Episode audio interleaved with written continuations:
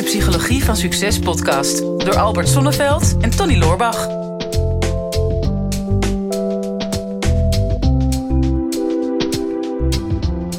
Tony, ik, heb jij inmiddels een idee hoeveel vragen dat wij per dag binnenkrijgen via de diverse kanalen eh, van mensen die allemaal willen dat hun vraag in de podcast wordt behandeld? Per dag? Ja.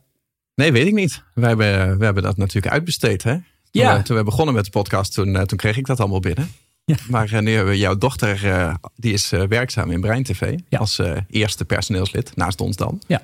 En die Ja. regelt het allemaal voor ons. Ja, zij zegt dat we gemiddeld één tot twee vragen binnenkrijgen eh, dag. per dag. En ja, die zijn heel gevarieerd. Ik ben zelfs zwaar onder de indruk van ja, hoe creatief mensen zijn in het stellen van vragen. En blijkbaar zijn wij zo creatief om ze te kunnen beantwoorden. Oh ja, je moet wel iets beter in marketing worden. Twee per dag, dat klinkt niet. Maar als je nou had gezegd, we krijgen 60 vragen per maand binnen. Ja. Dat is heel veel. Ja, dat is, dat is waanzinnig veel. Ja. Maar dan komen we alweer bij het volgende probleem. Namelijk, dan zie je die hele lijst met vragen. We kunnen er maar één per uitzending behandelen. oh god, eh, ik vond ja, een bruggetje aankomen. Ja, ik, had, ik heb een beetje keuzestress. daar komt hij. Welk, welke gaan we nu kiezen? En gelukkig zag ik er een vraag van Nancy bij staan.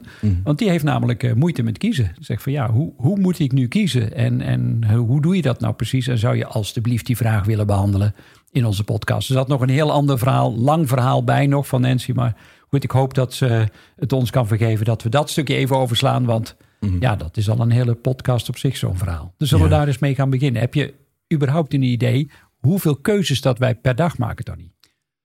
Nee, ik wilde iets anders zeggen. Ik dacht, ik kijk of Nancy toevallig tandarts is. Die hebben ook altijd moeite met kiezen.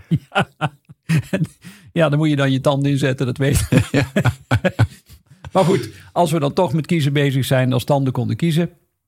Ehm, ja, we hebben zo gemiddeld, want ik, hoor, ik merk al dat je onder het, eh, onder het antwoord eh, uit wil komen. Of Nou, onder ja, de vraag wil gewoon een uitkomen. vraag die je zelf heel graag, graag wil beantwoorden. Nou ja, ik, ik vond het wel een fascinerende gedachte. 40.000 keuzes per dag. En ehm, ja, we hebben gemiddeld zo'n 50 gedachten per minuut. En, en al die gedachten die beginnen met een bepaalde vraag. En misschien stel je zelf nu al de vraag, is dat zo? Dat is alweer een vraag. Oh ja. En da- dan neem je dat antwoord, hè, waar je brein mee komt, neem je aan of neem je niet aan. En dat is in feite alweer een keuze. Mhm. Nou, ik ga ervan uit dat eh, Nancy niet de bedoeling had om keuzestress te hebben over doe ik nou pindakaas op een brood of hagelslag. Maar het gaat wel over serieuze grote keuzes. En ehm, nou ja, ik weet niet of de luisteraars en kijkers dat weten, maar ja, ik heb er ook een boek over geschreven, Kiezen vanuit je hart. Mhm. En trouwens, we hebben er ook een e-learning van. Ja. ja, we als in jij. Maar het is leuk dat je mij betrekt Ja, bij ja deze goed, die e-learning. staat in Brein TV. Ja. Ehm, dus ik heb me ook echt lang verdiept in dat onderwerp keuzes maken. En ik heb me altijd verbaasd dat je op school heel veel dingen leert. Rekenen, taal, aardrijkskunde, geschiedenis enzovoorts. Maar het allerbelangrijkste in je leven is toch per slotverrekening keuzes maken. Ja. Maar hoe doe je dat nu? Ja, het, het verschilt natuurlijk een beetje aan welk niveau van keuzes. Hè? Want inderdaad, gewoon s ochtends besluiten of je nou een eh, blauwe polo aantrekt of een, eh, een lichtblauwe polo. ik, ik ken wel iemand die daar af en toe moeite mee heeft. Dat Oh. dat soms eh, dat dat even duurt. Ja, maar dat zijn natuurlijk niet de existentiële levenskeuzes die, je die je maakt. nee. Ik ben nu bezig met, voor mijn bedrijf, wij gaan nu naar een nieuw kantoor toe. En dat is voor ons best wel, eh, best wel een grote stap. Hè? Van eh, hier weg van waar we nu opnemen. Dus het is misschien ook wel een van de laatste runs die we hier doen. ehm, naar, eh, naar een veel groter kantoor.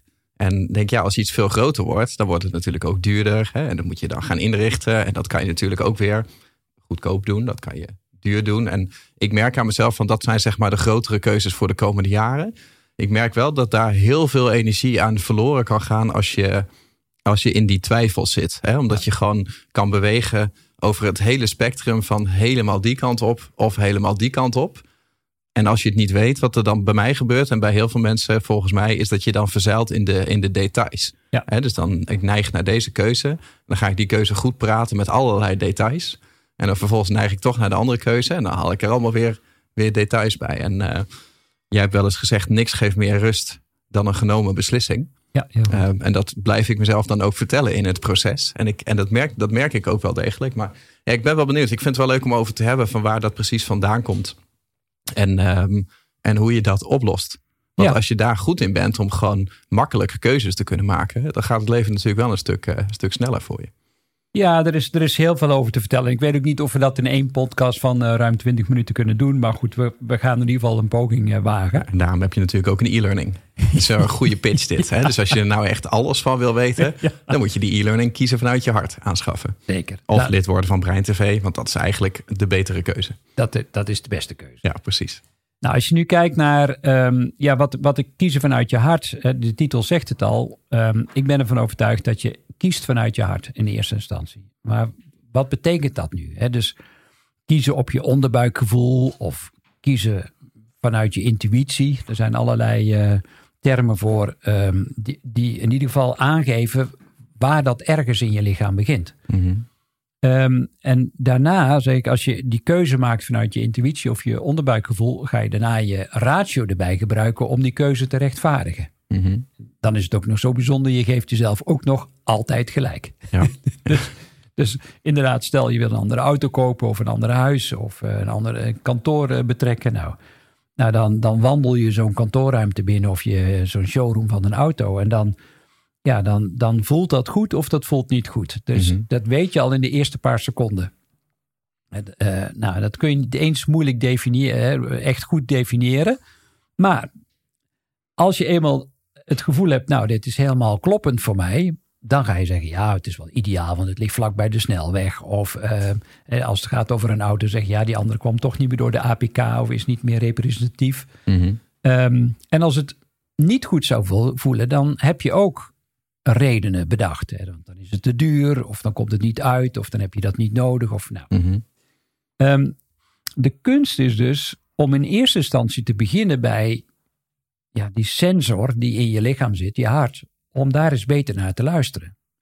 Ja, is, is dat altijd, zo? Want kijk, ik zit natuurlijk meer in de, in de neuromarketing. En Ja. ik gebruik meer de, de andere kant van keuzestress. Hè, om, eh, als ik producten wil verkopen, dan weet ik van een van de eerste dingen die ik moet doen, is, is keuzestress elimineren. Hè, want als zolang er keuzestress is, ehm, hè, keuzestress leidt, leidt tot kiespijn. Ja. Hè, dus dat het, het pijn gaat doen om, om komt die tandarts weer. Maar Ja. en dan gaat het pijn doen om te kiezen, omdat je bang bent om de verkeerde keuze te maken. Ja. En op het moment dat je bang bent om de verkeerde keuze te maken, dan komt er een bepaalde angst voor verlies. Die neemt het dan over. Hè? We hebben het daar wel vaak over gehad dat Mhm. Ja. mensen hebben van nature een grotere angst om iets te verliezen dan dat ze de ambitie hebben om iets te winnen. Ja. En op het moment dat jij bijvoorbeeld eh, drie keuzes hebt om een, een auto te kopen. en je weet niet welke van die drie de betere keuze is, dan maak je meestal geen keuze. Omdat je bang bent dat als je de verkeerde keuze maakt, dat je dan iets verloren bent. Hè? Dus dat je niet het optimale resultaat hebt of dat je daar achteraf spijt van krijgt. En ehm, in neuromarketing hanteren we altijd de stelregel: emotie gaat boven ratio. Hè? Dus Ja. mensen nemen inderdaad emotioneel een beslissing. Ja. En dan gaan ze hem achteraf, gaan ze hem rationeel goed praten. En ehm, ik maak daar in de marketing heel veel gebruik van door bijvoorbeeld op een verkooppagina, als ik twee opties geef, door bijvoorbeeld contrast aan te brengen hè, tussen de ene en de ander. Of dat ik letterlijk een, een labeltje erbij zet. En als je nou op onze website bijvoorbeeld die kiezen vanuit je hart wil gaan aanschaffen, dan zul je onderaan de pagina zul je twee keuzes gaan krijgen. Hè, koop je alleen kiezen vanuit je hart, of word je lid van Brein TV. En je zult daar al zien, als je goed oplet, dat Brein TV vormgegeven is als de betere keuze. Er staat zelfs een tekstje bij met beste keuze. En eh, daarmee activeer je eigenlijk een beetje die ratio. Ja. Hè, om, om mensen goed te praten van dit is, dit is inderdaad de beste keuze. En wat wij dan ook nog doen is eigenlijk na de beslissing. En dat is misschien nog wel leuk voor eh, als je met keuzestress te maken hebt. Is dat zodra je een spannende keuze hebt gemaakt. Ehm, dan is het proces nog niet voorbij. Want er komt altijd na spannende keuze komt altijd twijfel of angst dat je het verkeerde hebt gedaan. En dat is bijvoorbeeld als je net een grote financiële transactie hebt gedaan. Dus dat is niet Brein TV, want dat is heel goedkoop. Eh, maar wat, wat wij bijvoorbeeld altijd zeggen na een aankoop, is dan komen mensen bijvoorbeeld op een bedankpagina en dan zeggen we gefeliciteerd, je hebt een goede keuze gemaakt. En dat lijkt maar een heel eh, niet-zeggend klein zinnetje, eh, maar we noemen dat de choice supportive bias in, in psychologie, waarmee je eigenlijk gewoon even die, die angst en die spanning eraf haalt.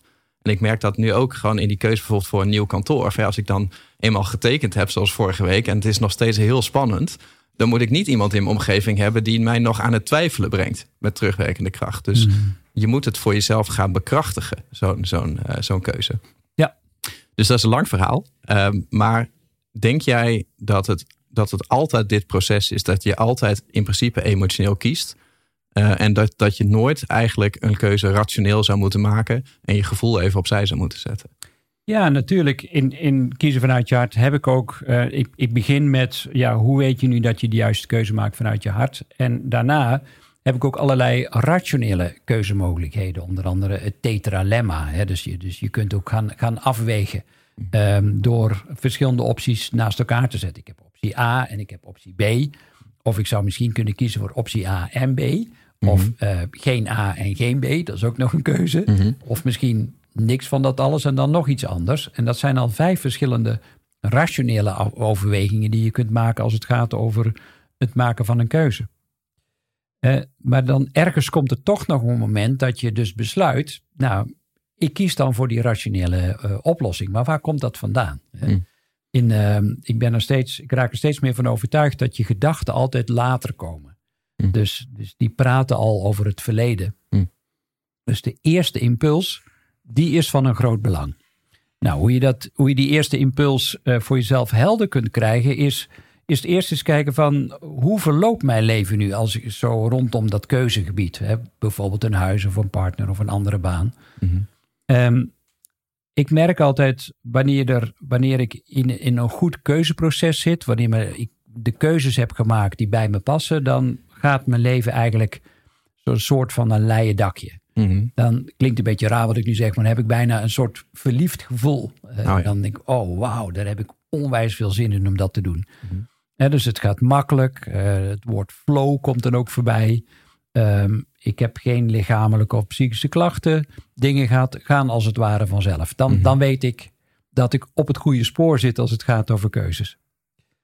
Um, het tegenovergestelde, wanneer ik voortdurend aan het oordelen ben over mezelf of over anderen, wanneer ik meer met mijn gedachten of in de toekomst of in het verleden zit. Hè, dus ik zit ook heel veel in mijn hoofd. Mm-hmm. ik, ik, zeg ook wel eens, um, je weten zit in je hart en je twijfel zit in je hoofd. Mm-hmm. Want nou, in de 5 second rule, dat boek, dat geeft het ook aan. Die eerste impuls, die, die, die kun je goed volgen. Maar als je langer wacht dan die vijf seconden, dan ga je alweer twijfelen. Bijvoorbeeld zeker in de coronatijd. Je ontmoet iemand spontaan en je denkt mm dan meteen van, oh, die wil ik even een knuffel geven. Uh, nou, dat is de eerste reactie. Maar als je daar binnen vijf seconden geen gehoor aan geeft, dan ga je die keuze ook weer rechtvaardigen. Van ja, misschien zit iemand daar helemaal niet op te wachten. Of misschien breng ik wel iemand in verlegenheid. Of breng ik mm mezelf in verlegenheid. Ja, en, ja volgens, volgens Nietzsche zit er, twijf, zit er intelligentie in twijfel. Ja. Dat is zeker in corona. Als je iemand dan een knuffel wil geven en je gaat twijfelen, dan, dan zit je in de intelligente lockdown. dat, dat, klopt, dat klopt precies. Ja, ik vind het zo jammer dat ik in een van de vorige podcasts al uh, gezegd heb dat je, in je altijd in je, nauw, in je mouw of in je elleboog moest nietsen. Maar dat ja, jammer. kan ik nu niet ah, meer joh. gebruiken. Welke, we, hebben, we hebben maar een paar mensen die alle afleveringen luisteren. Goed, dus, dus um, als je aan het oordelen bent over jezelf of over anderen, je zit meer in het verleden of in de toekomst, um, he, je, je, je, je merkt dat je steeds meer fysieke en psychische klachten en steeds meer stress gaat ervaren, ja, dan weet je gewoon dat je niet in dat juiste keuzeproces zit. Mm-hmm. Dus kijk ook vooral niet alleen maar naar um, ja, de situatie. Hè? Dus uh, nou ja, ga ik wel of niet die baan kiezen of wel of niet dat huis kopen. Maar hoe, hoe is mijn hele situatie bij mezelf, in mezelf? Uh, hoe blij ben ik met mezelf? Uh, zit ik heel erg in mijn hoofd te piekeren? Dan weet je al dat je vaak de verkeerde kant op kiest richting het piekeren. Ja, nou, wat mij altijd wel goed helpt met als het echt over grote keuzes eh, gaat, en dat is echt niet van hè, moet ik nou dit shirt aan of, of dat shirt, um, is, is meer te gaan, te gaan uitzoomen. Hè. Ik had het bijvoorbeeld met, met, dat, met dat kantoor. Hè, dat denk van ja, Moeten we het nou allemaal heel klein houden en, en veilig en winstgevend en dan heb ik er grip op? Of gaan we een hele grote stap maken waardoor het eigenlijk weer spannend wordt? Hè, bijvoorbeeld. Dat, dat was een beetje mijn keuze in, in dat kantoor. En dan merk ik van ja, als ik in het nu ga denken van de stap die we nu moeten zetten. En de kosten die daar nu bij horen en alle details, dan, dan kom ik er niet uit. Uh, maar, als ik, maar als ik ga uitzoomen um, op uh, zeg maar uh, waar we vandaan gekomen zijn, waar we nu staan en waar het uiteindelijk naartoe moet dan wordt, dan wordt de keuze ineens heel makkelijk. Mm. Maar niet heel makkelijk, maar makkelijker. Ja.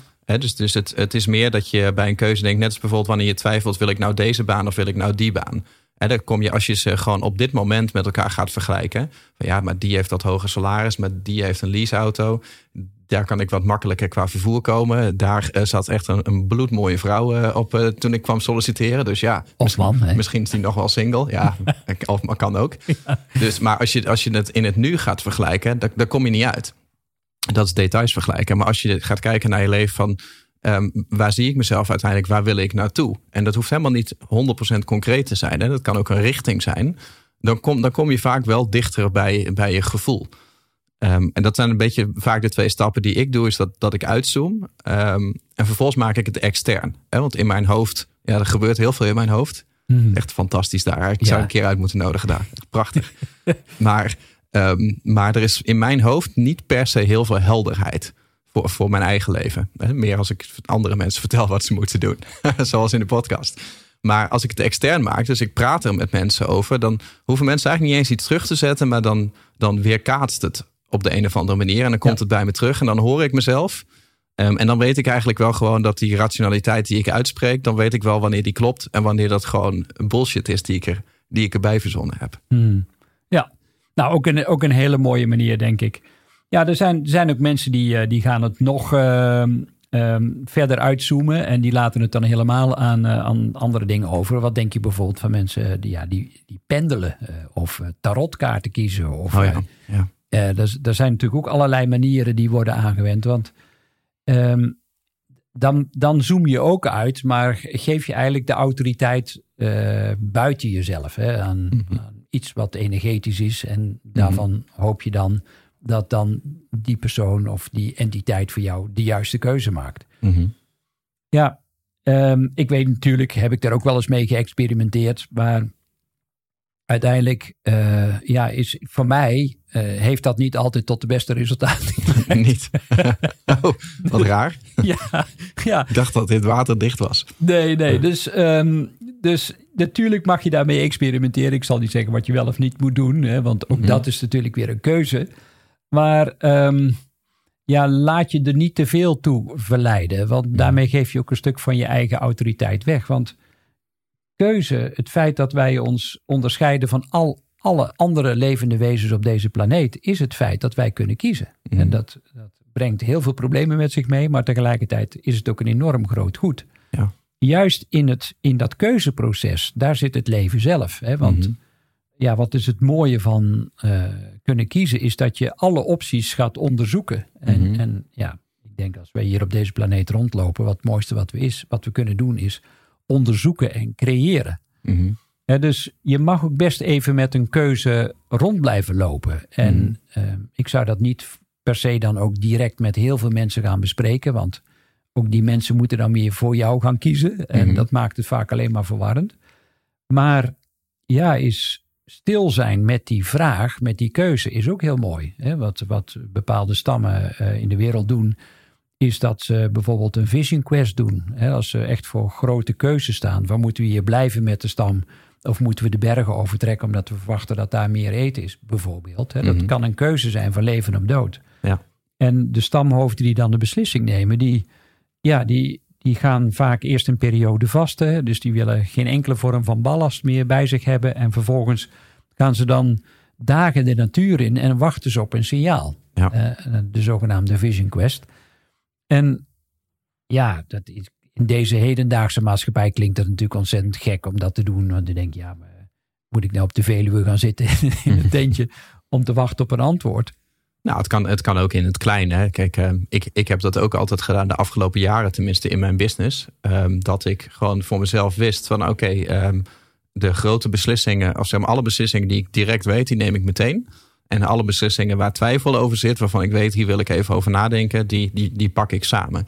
En zo wist ik ook gewoon van ja, ik heb bepaalde denkdagen. Eh, Dit klinkt heel autistisch hoor, maar ja, bij mij was dat op dinsdag, donderdag en zondag. Dat waren mijn denkdagen. Oh ja, Dus- dinsdag, donderdag begint allebei met een D. En dat zijn dus denkdagen. Die Ja. zondag, die D.